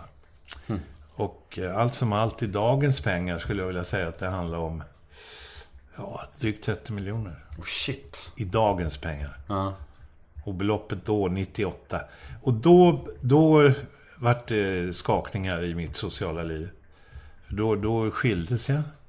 Jag hade en hund som hette Mattis, en cairn terrier, som eh, inte mådde bra. Tack, han, jag mådde inte bra. Mådde inte, han och jag var ju dödspolare redan innan jag gifte mig. Så att honom fick jag ta livet av för han bet min dotter i ansiktet och då åkte han ju, tyvärr. Men det var några jävla år kan jag säga. Ja, det låter som ett eh, lågvattenmärke. Alltså, Ja, det var en skärseld alltså. Fy fan. Du, jag skulle vilja prata med dig om relationer. Du, du, du var inne på din relation med Björn Gustafsson. Eh, hur ser den ut? Hörs ni idag? Ja, Hur mår han? han eh, har blivit äldre. Ja. Eh, Men han är lika skärpt i huvudet som han aldrig har samma humor. Ja. Och ingen märkvärdig. Ingen egoist. eh, ingen eh, nepotinist. Han är... Han är... I, I mitt förmenande är en... Eh, det är hur naturligt som helst att arbeta med honom. Ambitiös. Noggrann. Och, och eh, har en eh, sublim humor alltså. Och vi har samma humor.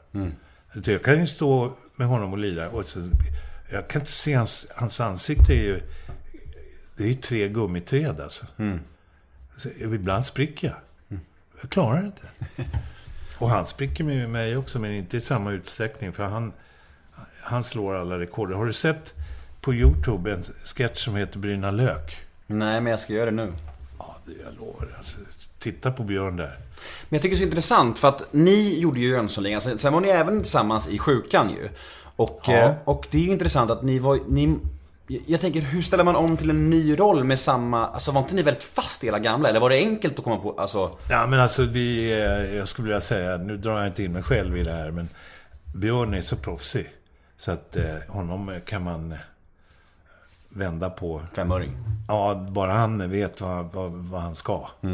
Så att det, det, är ett sånt proffs att det, det finns inte på kartan.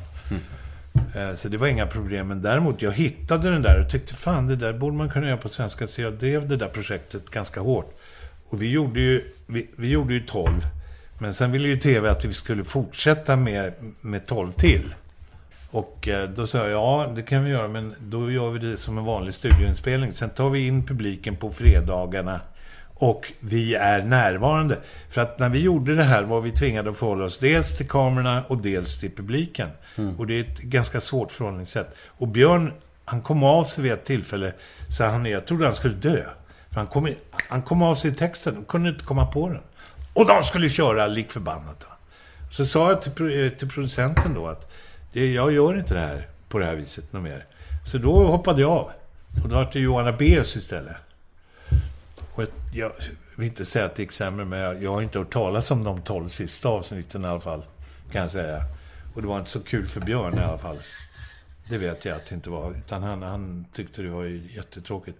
Men han kämpade sig igenom 12 avsnitt till. Och det, det, det vart ju väldigt bra. Sjukan vart ju väldigt bra. Och där kan du se vilket jävla geni han är, Björn. Oj, oj. Tror du att Björn skulle göra sig bra i en sån här format? Som vi sitter här. Nej, Inte? nej. Varför? Han, är... eh, Du måste känna honom. Ja. Och han, han ställer nästan aldrig upp på något. Vi gick inte på Göstas begravning, vare sig han eller jag. Är det sant? Och inte Birgitta heller, nej. Hur kommer det sig? Därför att eh, vi separerade på ett väldigt konstigt sätt. Vi hade, eh, Björn och jag hade jobbat fram nya manus och, och bra stories och det ena med det andra. Och då sa bara Gösta, nej jag vill inte göra det där mer. Och då hade en nordisk tonefilm hade köpt rättigheterna från... Nej, de hade... Örjan Enström hade köpt hela nordisk tonefilm. Och då började han göra små Jönssonligan. Och där, där, där tyckte Gösta att nu går det för långt, för snart ligger vi i cornflakespaketen. Och det kunde jag hålla med om. Men eh, vi, vi gjorde ju tre till, Björn och jag. Och sen gick ju Gösta och gifte sig med eh, Marius De Geer. Ja, du menar lilla Jönssonligan? Lilla Ja, Jönssonligan. precis. Ja, mm, då fattar jag. Mm. Och eh, då var det ju en helt annan nivå på, eh, på snacket. Det var inte lika roligt längre för Gösta, för han låg ju... Han låg på en annan nivå med Marie-Louise. Men vi hade många eh, diskussioner efter och käka luncher. Och, och då, han nämnde bland annat vid något till Fan, ni har gått och gjort det här själva? Ja, har så här. Nej, jag har haft skygglappar. Varför det? Ah, han tyckte inte det var... Nu ska jag säga det. Jag tror inte han eh, tyckte att det låg på rätt akademisk nivå. Men eh, det, är, det är en spekulation. För jag tycker ju att eh, Den svarta diamanten, som ni gjorde ihop med Peter Haber, tycker jag är en av, en av de bättre. På riktigt, tycker Ja, jag. den är inte dum alls. Nej. Och Peter är bra alltså. Ja, jag tycker Peter är fantastisk. Han har varit med här. Och jag tycker att han är, både som skådis och som människa, ashäftig alltså. Ja. Så vet du vad Gösta Ekman tyckte om filmerna efter? Ingen aning. Ingen aning. Han pratade aldrig om det. Ja, men jag kan säga så här, att han var inte glad över att eh, vi fortsatte. Och eh, framförallt han, han var inte glad över att bli ersatt. Nej. Och det kan jag förstå. Men då hade lika bra kunnat fortsätta. Jag sa, du glädjer ju folk. Du, du, du glädjer inte bara dig själv. Och, och tänk på, på Björn och mig, och vi tycker det är kul att jobba ihop. Varför kan vi inte göra det här? Spotta nävarna, kom igen. Nej. Istället gjorde han massa andra konstiga grejer. Han var ju kvinna och klänning och läppstift och konstigheter. Alltså. Men jag tänker ändå att ni jobbar ihop så många år och, Mm. och eh, det här, jag fattar hur du tänker här, men räcker verkligen det här som anledning att inte dyka upp på begravningen? Tänker jag. Alltså, var det något mer som låg bakom eller? Ja, men det kanske har att göra med att Björn och jag är ateister. Ja, det också. Och jag tror inte Birgitta är särskilt eh, religiös heller. Och det är ju så att om en människa lever, då ska man ju uppskatta den medan lever. Och dessutom så hade Noppen Lebenhaus begravning varit veckorna innan. Och det tyckte jag var rena cirkuspremiären. När folk poserar och, och var utklädda och... Fan hade... Merparten av dem hade väl ingen relation till Noppe. Och det var ju likadant på Göstas begravning. Jag har aldrig träffat någon av dem, så några, självklart. Men jag har inte hört talas om att Gösta hade någon särskild relation till den och den och den. Det, det hade jag ingen aning om. Men jag, jag... Dessutom är det så att om man är lite, har lite torgskräck, och det visste ju både Björn och jag, och Birgitta som jag inte pratade med förrän, så jag har inte pratat med henne efter det heller. Det, det är ju inte särskilt roligt att bli, bli fotograferad av kändispressen för att man går på en begravning och visar respekt. Det hade jag gärna gjort. Men jag kunde inte. Och jag sitter ofta här och tänker hur det ser ut i världen med IS och Palestinafrågan och det ena med det andra. Och, och när man hårdrar det här så bygger det ju faktiskt på väldigt mycket religionsmotsättningar. Och alla religioner har sin gud. Och fanns den där guden skulle det här finnas då? Ja, men det är klart man blir artist förr eller senare. Åtminstone för min del. Jag kan inte säga att det är hyckleri. Jag har respekt för de som, som tror. Men jag personligen har svårt att eh, ta det på allvar. Minns du sista gången du pratade med Gösta? Ja, det var väl eh, några månader innan. För Gösta ringde jag aldrig själv på slutet. Utan det var alltid jag som ringde och frågade hur läget var. Så här. Den sista lunchen var väl något år sedan. Och då sågs jag alltid på Cassie. På Narvavägen. Och, eh, men eh, jag märkte ju åt vilket håll det gick. För att han hade en timkalender med sig. Och då sa han, titta här. Ja, då sa jag. Då hade han en lista. Och det var 35 namn. Och så var det... Den, den, ja, de är döda nu. Mm. Han gick ju och lurade på sådana saker, va. Och, och han lär ha sagt till, till någon, om det var Örjan Ramström, eller- tänk på det, du har alltid döden i, i, i fickan. Mm. Så han gick ut och tänkte på hur många som hade dött i hans omgivning. Ja, han, han, han filosoferar om sådana här konstigheter. Va? Och, och eh, jag vet ju, Lena Nyman dog ju och då sågs det strax efter. Och jag går inte på begravningar. Jag är ledsen, jag kommer inte gå på din heller. Va? Även om jag kommer att dö innan. Vad fan säger du? Nej, men alltså jag tycker är man död så är man död. Sen är det inte mycket att göra faktiskt. Och mina föräldrar, jag menar, min far han kremerades och, och jag satte ner honom i en kruka i familjegraven. Och min mor, hon ville inte ligga i familjegraven utan hennes död vid en lund och då fick jag inte vara med ens. Utan då var jag bara med och gjorde ordning eh, bouppteckning och, och eh, avslut på det viset. Men i övrigt var jag inte med utan hon, hon så, så är det med den här familjen.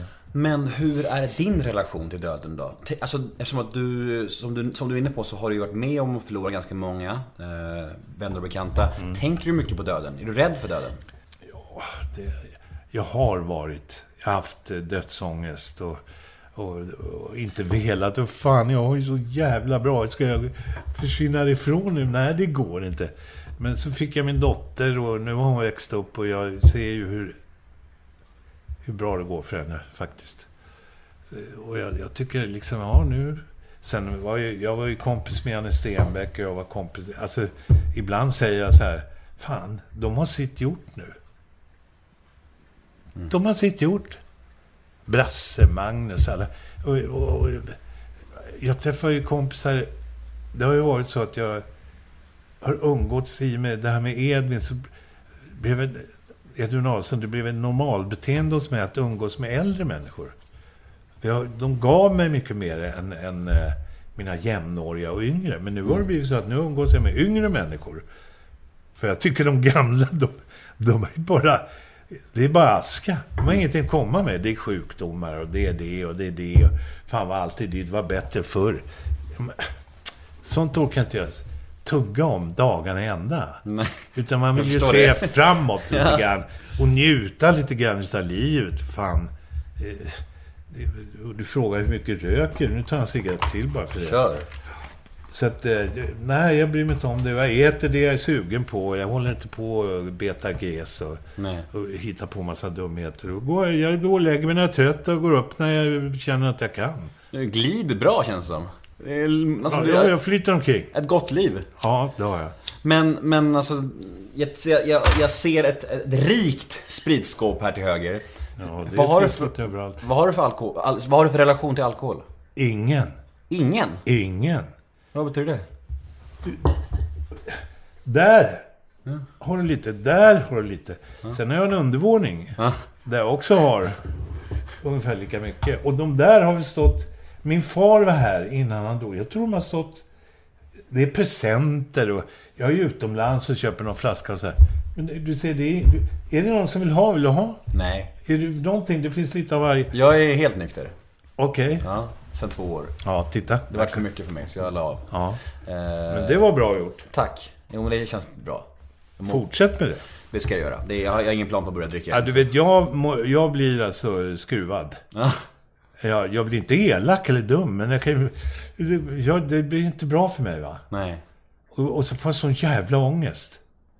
Så att... eh, Och då ska vi inte tala om, för jag har ju aldrig prövat någon eh, drog.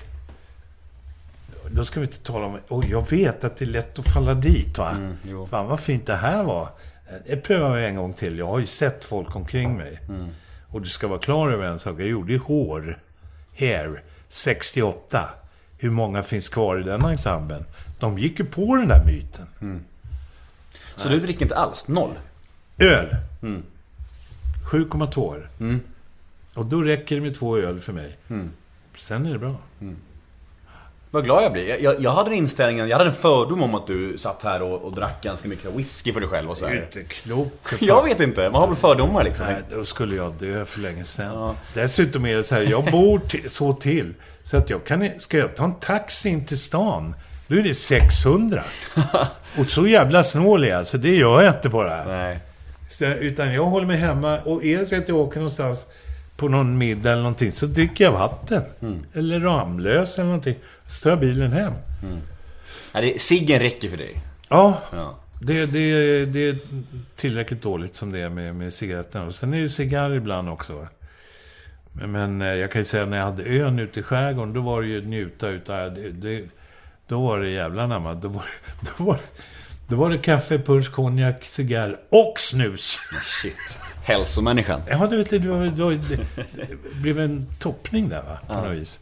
Men vad, hur blir du när du är packad då? Ja, om jag retar upp mig på något, då är det, då är det inte roligt alltså. Nej. Gränslös? Alltså, då, då är... Slagsmål? Nej, inte slagsmål, men det blir superlativer som är alldeles fruktansvärda. va? Och sen kan det bli avslut också. Och dagen efter... Alltså, det är inte genomtänkt. Nej. Utan det är spontanism som är fel, eh, feltänkt. Du har gjort några uttalanden senaste åren som väckt stor uppmärksamhet.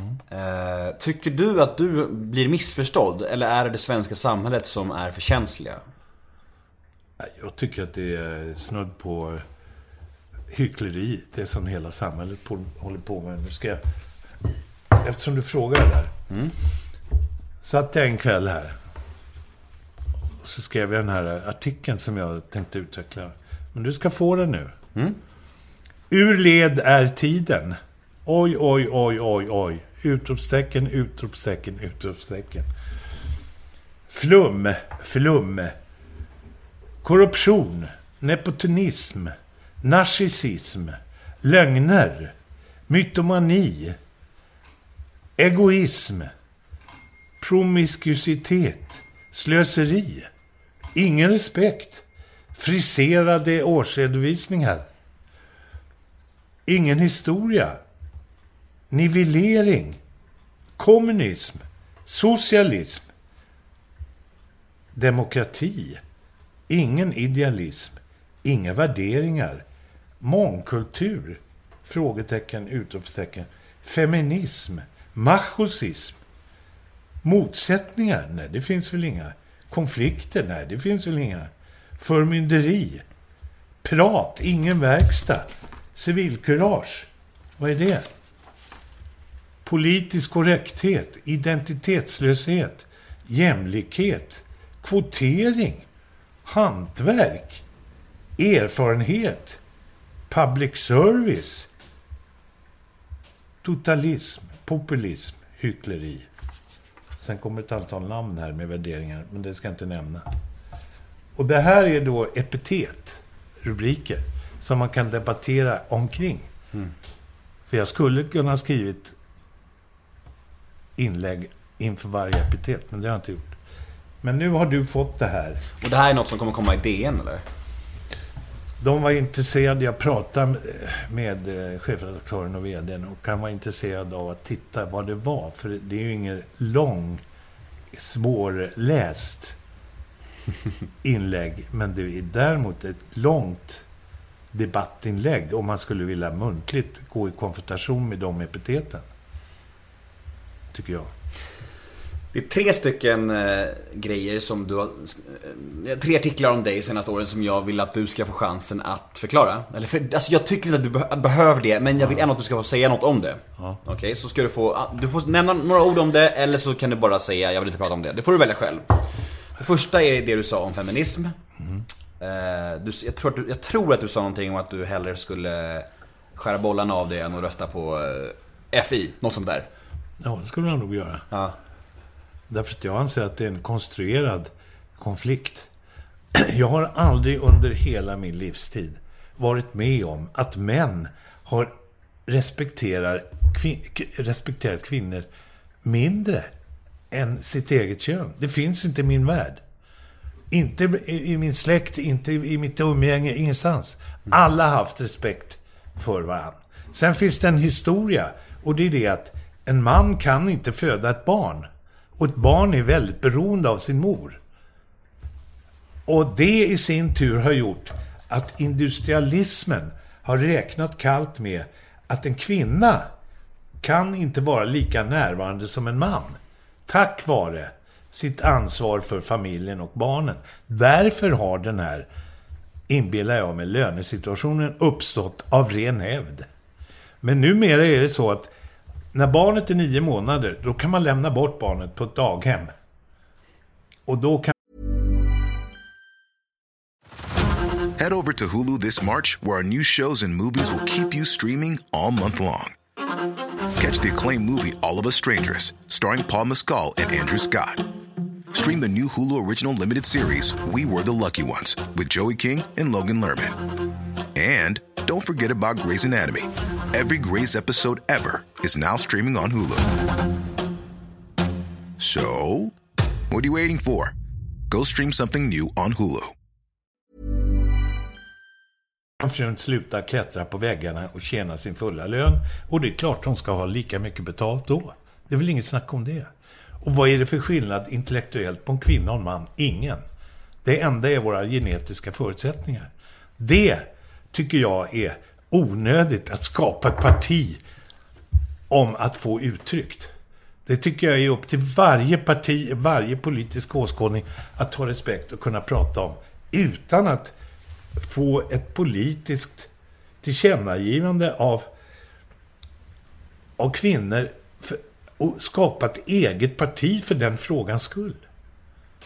Så jag begriper inte, problemet finns inte för mig. Och jag har haft förhållanden, jag har varit gift. Jag har ett jättebra förhållande med min förra fru. Och jag har jättekompisar med de få förhållanden jag har haft. Och är fortfarande vänner med dem och vi pratar med varandra. Precis som du och jag gör nu. Och vi kanske får en relation i fortsätter, vet man ju inte. Men jag har inga problem med det. Så att jag, jag, jag tycker att det är ett... Det, det är bullshit. Och därför är jag emot allt som skapar konflikter och konfrontation som inte är nödvändigt. Det ska man ju undvika. Så det är min poäng med att jag inte är feminist. Nästa punkt. Du eh, skrev på någonting om att det ska vara okej att ta några öl på sjön. Eh, vad är, eh, vart går gränsen där tycker du? Alltså, ska fulla människor få köra båt också? Jag har varit på sjön sedan jag var fem sex år.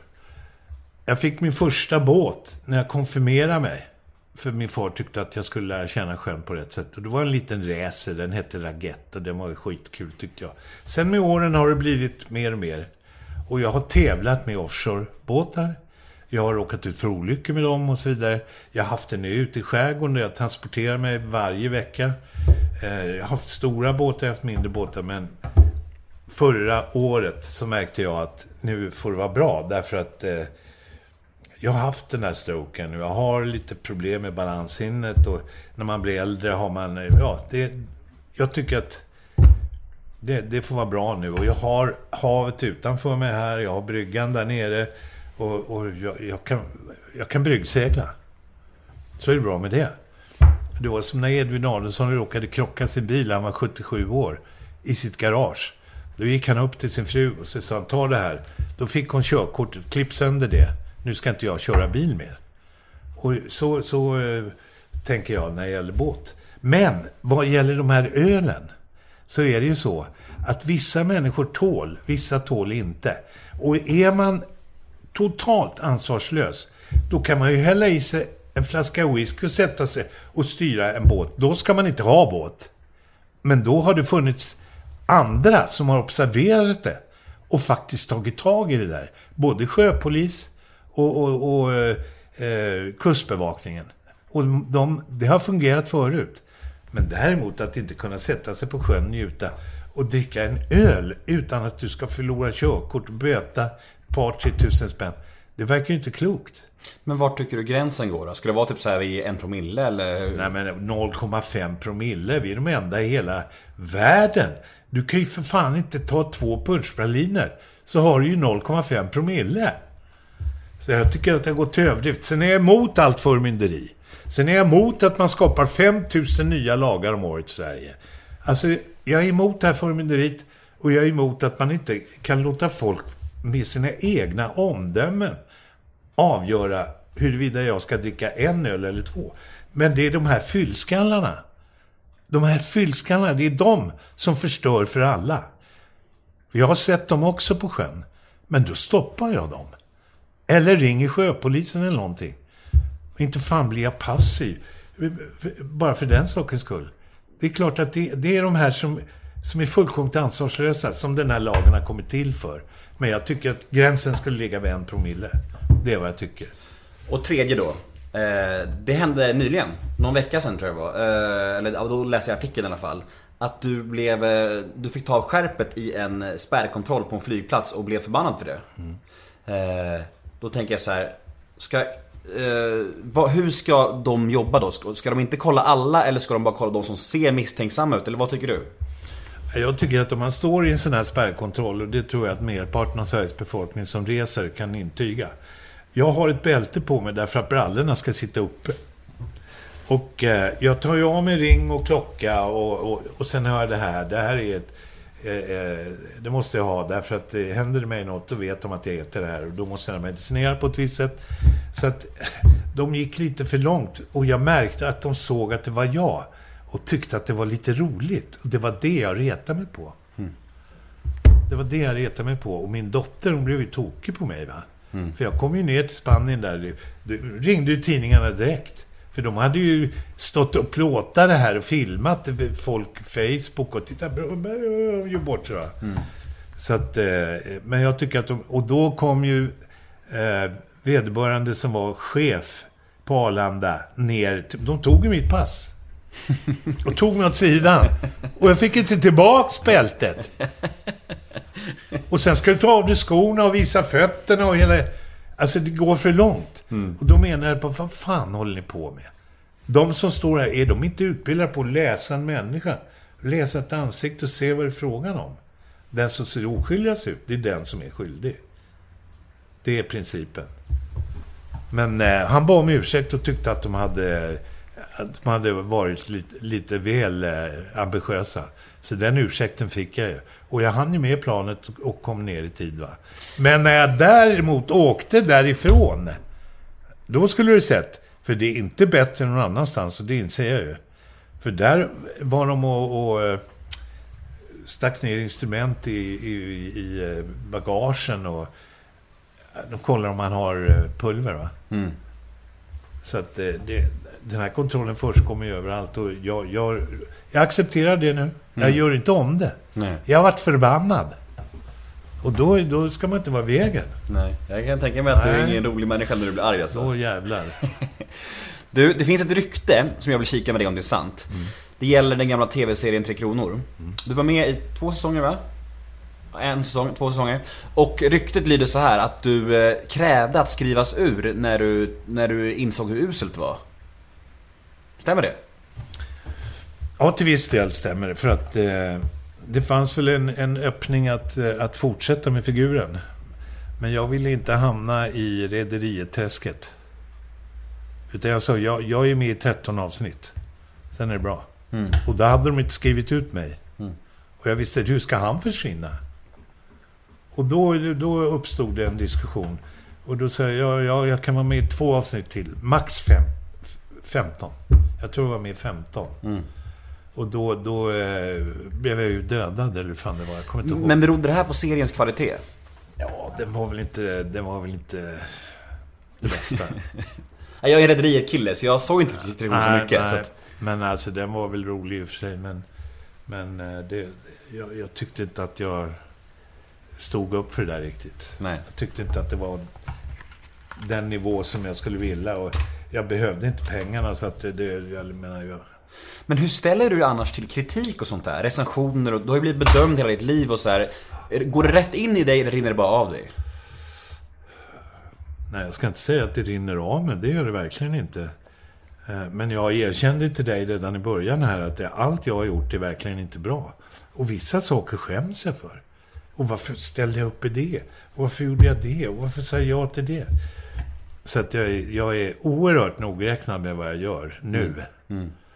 Men jag kanske inte var det när jag var mellan, eh, upp till 35, 36. Då så- kör du bara allt som kom typ. Ja, inte allt, men eh, jag, vissa grejer klarar jag inte av bara. Och vissa grejer vill jag inte lära mig text till. Jag, jag hade textsvårigheter med... Jag, kunde, jag var inte motiverad. Och eh, det, det var, jag har gjort grejer jag står för. Men jag har också gjort väldigt många grejer som jag definitivt skäms för. Gör jag. Du är 70. Ja, Har du åldersnoja? Tänker du på det, ålder mycket? Det gör jag inte, men jag brukar säga så här. Eh, ska vi göra det och det? Nej, vad fan. Det, det, det, jag har ingen lust att åka till Sydamerika nu nej, och spela golf. Fan, jag ska ju dö snart. Men, men, men hur ser en vanlig dag ut för dig idag? Idag, den ser ut så att jag går ju och lägger mig i... Jag har ju ganska mycket rutiner. Senare än 11 blir det ju inte alltså. Därför att jag... Eh, fan ska jag sitta upp och hänga mitt i natten för? Jag tycker det är roligare att vara uppe på dagen och, och göra... Vara lite kreativ. Och göra lite nytta. Och sen har jag ju... Peppa Peppa väldigt mycket vänner och bekanta. Och jag äter luncher och jag, jag håller på med en liten förlagsverksamhet som eh, är ganska knepig. Den måste jag brottas med. Och jag har min dotter Ina Khadouches som jag håller koll på. Jag är en kontrollmänniska. Så att eh, det är inte så lätt alla gånger. Och jag har en före detta fru som jag fortfarande tycker jättemycket om. Och har respekt för. Hon har gjort ett kanonjobb. Hon har blivit VD nu på ett stort finansbolag. Och jag tycker det är jättekul. Och jag, inte så att jag bryr mig. Hon har sitt liv, jag har mitt liv. Men det är ändå så att jag är engagerad i... Jag har min bror till exempel som bor i, i Staterna och är hemma nu. Och jag, jag har lite sociala kontakter, social, jag är kontrollmänniska, om jag säger så. Och dagarna går. Och ibland undrar jag, hur hade jag tid att jobba? När man blir ledig så tänker man så. Och du ser det här, där vi sitter. Här är då det är en ganska bitig mark alltså. Och det, det är 30 meter där nere. Strand. Och brygga och grejer. Och huset är inte litet heller. Och här är jag ensam.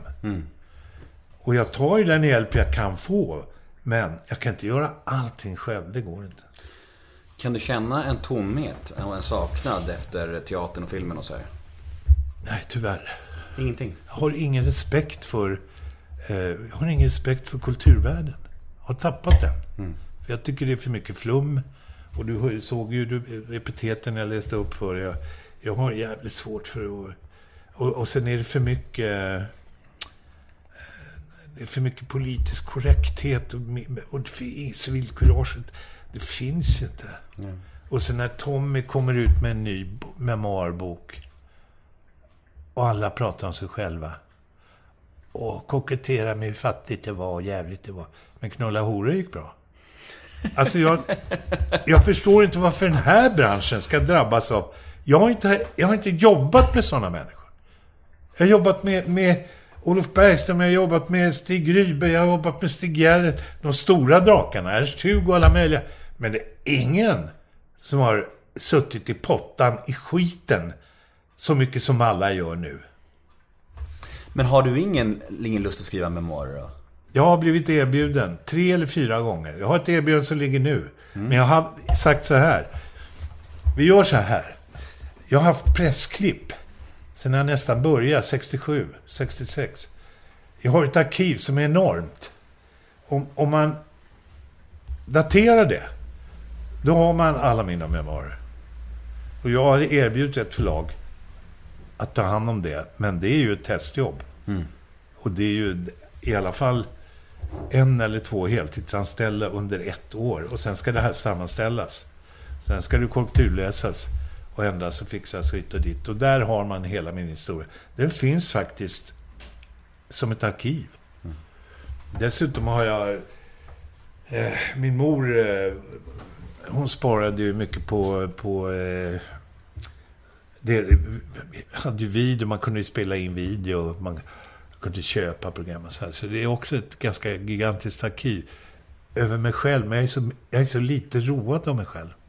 Så jag tycker... Och sen, jag kan inte låta bli. Jag tycker, Loa släppte sina memoarer nu och honom har jag respekt för. Och jag, jag tackar Gud för att han finns i branschen. För han, han håller ju ribban lite högt. För det här yrket har ju förlorat sin status. Och det sa ju Edvin bland annat till mig, se till att du åldras med lite värdighet. För det fanns ju de som släpade sig till Dramatens scen en gång och var ju över 80 och hinkade. Och det var inget kul att se för Edvin. Och det var inte roligt för mig heller. Så alltså, se till att åldras med lite värdighet och det har jag verkligen tagit ab nota för att... eh, Och det, det sa ju mina föräldrar också. Hamna inte i det träsket som många gör i din bransch. Och varför de gör det, det måste ju bero på brist på självdisciplin, brist på karaktär, brist på visioner. Och, och bara liksom låta dagarna gå utan att ha någon framförhållning. Jo, men jag har intervjuat många, många skådespelare och eh, många äldre gubbar eh, super ju väldigt, väldigt hårt. Eh, det ser jag och det hör jag och det är, liksom så här, det är väldigt tydligt. Så därför blir jag extra glad över att du verkar ha koll på det kan jag säga. Nej, alltså... Exempelvis, eh, om min dotter skulle säga till dig så här... Eller du frågar, hur, hur mår din pappa? Ja, det är inte så bra nu, vet du. Vadå då? Och hon skulle säga till dig så här... Ja, du vet, syns inte han i tidningen varje dag, då deppar han ihop. Och det är ungefär så det fungerar för äldre människor. För man försvinner ut ur branschen. Undantaget är väl Ove Thörnqvist, som dyker upp som en kork hela tiden. Verkligen. Och jag förstår inte egentligen att han vill det själv. Jag känner honom. Och det, är, det är en jättetrevlig karl. Alltså, han har gått igenom mycket i livet, men jag begriper inte hur han beter sig alltså, för att kunna göra det där. Men vad skulle du säga att du är mest stolt över i karriären då? Alltså hur vill du bli ihågkommen? Har du någon sån här legacy som du känner att hoppas folk kommer ihåg den där rollen när jag... Nej. Ingenting sånt. Du kanske bara skiter i det? Jag skiter i det. Ja. Jag har ingen önskeroll heller. Nej. Det enda jag vill är att det ska gå bra för Louisa. Så att hon får njuta av livet. Det har- jag gjort. Jag har haft mycket kul och jag har haft mycket tråkigt också, men eh, att, att eh, göra manifestationer över en själv och stora gravstenar med konstiga texter på. Och så här. Det är inte min grej. Spola ner mig i muggen för fan när de har bränt mig. Det är allt. Jag har inga sådana ambitioner. Men när, du, när mår du som sämst då, idag? Alltså, när får du riktig ångest? Om vi talar om idag liksom. Ja, det kan vara, det kan jag säga. Nu ska jag få det svart på vitt. Därför att här kan inte jag bo i evighet. Utan jag inser ju. Jag är 70 år. Och det här kostar på fysiskt, psykiskt. Och min dotter bor i, i Staterna, min bror bor i Staterna. Min, min släkt är nästan, jag har en kusin kvar.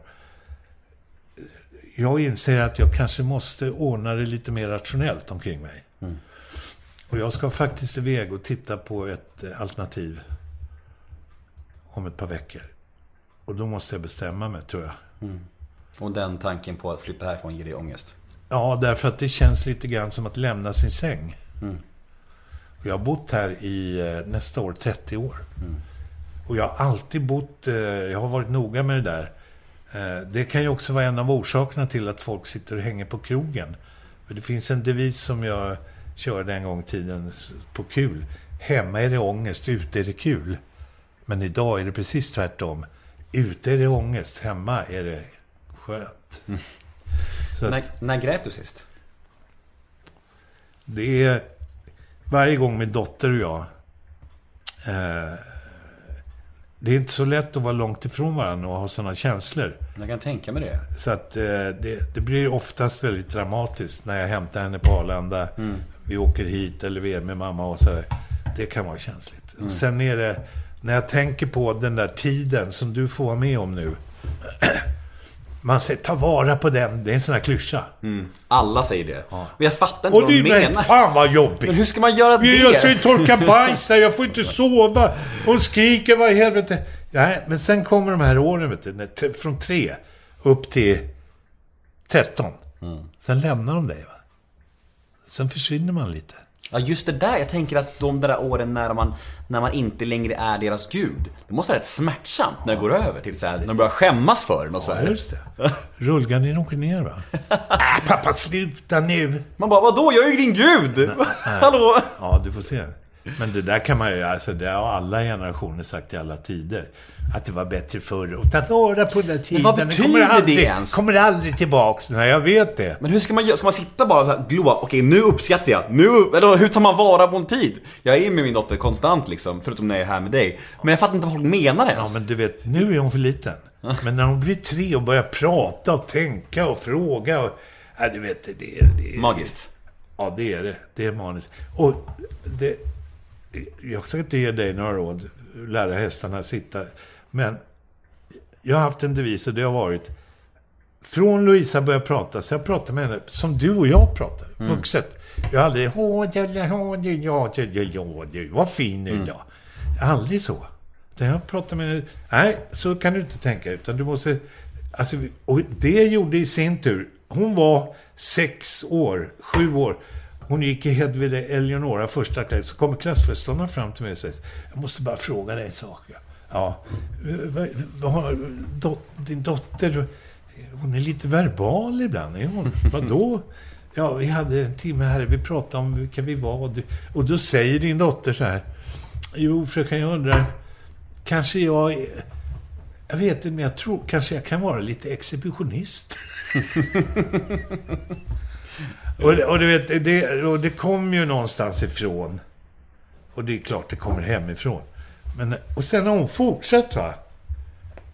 Med, med, med sitt eh, tänkande, verbalt, intellektuellt och vad du vill. Och nu är hon i, i, i, eh, i, Texas och det är alla elever, mer eller mindre, hon har en egen lägenhet där, de har pistol under huvudkudden eller i nattduksbordet. Och hon går ut på Walmart där och ska handla. Det finns hela avdelningen. Hon kan köpa Kalishnik och whatever. Helt sjukt. Så alltså hon är... Hon, hon, in, hon kommer inte, tror jag, att bli amerikanare i alla fall. Nej, det får vi, får vi hoppas. Och är, kritisk till eh, presidentvalet och diskuterar sådana saker. Vad tycker du om Donald Trump? Måste man fråga en fråga. Jag tycker att... Eh, han ska ägna sig åt affärer, inte politik. I och för sig kan det vara bra med en affärsman som rensar upp luften, men då måste han ha betydligt bättre support än vad han har nu. Därför att eh, han, han gör ju sig ovän med hela världen. Och jag tror inte han sitter efter nyåret. Faktiskt. Vad tror du är den största missuppfattningen om dig? Fördomar om eh, eh, chauvinism, om eh, politik. Eh, då hör till saken att jag har suttit i kommunfullmäktige här i ett parti som heter Lidingöpartiet. Jag satt i kommunfullmäktige, jag har suttit i byggnadsnämnden. Och det är då, observera, parti som inte är... är det, det är ett eh, lokalt parti för Lidingö. Men det är inte partipolitiskt bundet. För det har jag varit väldigt försiktig med. Jag, jag har svårt med, med de här politiska eh, kuberna som man befinner sig i och man pratar skit om varandra. Och ni, ni har inte lyckats med det och ni... Alltså det, och egentligen förstår jag inte varför man inte... Jag, I mitt sommarprogram så nämnde jag det att jag begriper inte att man inte kan sätta sig runt ett, ett bord oavsett vad man nu har för att och diskutera och komma överens. Jag har svårt för att... Och det är ju då till slut så att eh, det kan bli ett epitet till och det är att demokrati är jävligt jobbigt. Och det finns ju faktiskt de som går omkring på vilken kant, om det är vänster eller höger, spelar ingen roll. För de tycker det är bättre med en diktator än demokrati. Och jävlas de för mycket med folk, då kan sådana idéer växa. Så därför tycker jag att det är oförstånd det de håller på med, vissa politiker. Alltså de kastar skit på varandra. Ja, men ni satt ju i åtta år, det här gick si och det gick så. Ja, men sossarna satt i 70 år. Och lik förbannat är det inte ordning på saker och ting. Inte än i denna dag. Och vi har varit sju miljoner invånare ända tills för några år sedan. Nu är vi tio. Och hur man ska tro att man ska ta in alla på en gång. Då måste man ju för fan ha en logistik för det. Det har ju inte Sverige haft. Det är bara populism. Så det är klart Sverigedemokraterna växer. Det är ju självklart. Och finns det inga pengar till, till skola, sjukvård, äldrevård, vad fan... och, när de ser på siffrorna, när fyrbarnsfamilj kommer till Sverige, invandrade och får flerbarnstillägg, en engångssumma på 330 000. 380 är det väl idag. Plus lägenhet, möblering, bidrag. Hämtar ut 35 000 i månaden. Vad fan tror du att Svensson säger då? Klart de blir förbannade. Vad röstar du på? Skogspartiet. Jag har ett segment som heter ett ord om. Det går ut på att jag säger fem stycken offentliga människor, alltså fem kändisar i Sverige. Och du säger det första ordet som kommer i ditt huvud när du hör namnet. Är du med? Tänder en cigarett till. Ja. Är du med då? Ja. Alex Solman. Provokatör. Marcus Birro. Väldigt klok person. Sara Larsson. Barnslig. Jimmy Åkesson.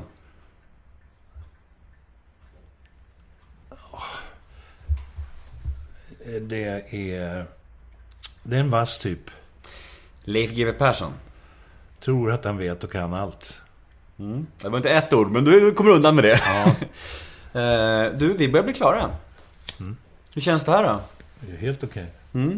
Du sa innan jag skulle komma hit, alltså, du sa så här. Du får en timme, men nu har vi suttit här i nästan två timmar. Ja, men det, det var det värt. Du tycker om det här? Ja, jag tycker du, jag tycker du är... Du, du, eh, du killar den. Vad betyder det? Och det betyder att du, du lyssnar och så... Du hugger på rätt grejer. Tack, vad glad jag blir. På riktigt. Ja, det... men fan, du skulle egentligen jobba i större sammanhang än där. ja, vad glad jag blir. Det här kan nog bli jättestort. För jag har hört många poddar som är... Det har du också gjort. Jag har lyssnat på en del poddar och eh, ja, nej, jag hoppas att jag har något eget. Och det, jag, det har gått väldigt bra senaste året liksom. Ja, men du har en energi och så lyssnar du. Va? Det du vet, det är inte många som lyssnar. Jag vill säga jättetack till dig för att du var detsamma, med. detsamma. Och för att jag fick komma hem till dig. Det var, det var en ära. Nu ska vi ta reda på när bussen går, så kan jag skjutsa er till bussen. Ja, schysst. Jag ska Eh, ta fram en eh, kan du stänga av den. Ja, absolut. Jag vill bara säga att jag heter Nemo Hedén på Twitter och Instagram. Hashtaggen är NEOMÖTER. In och gilla oss på Facebook, Neo möter en vän. Vi säger tack till Ulf Brunnberg. Hej då! Hej då!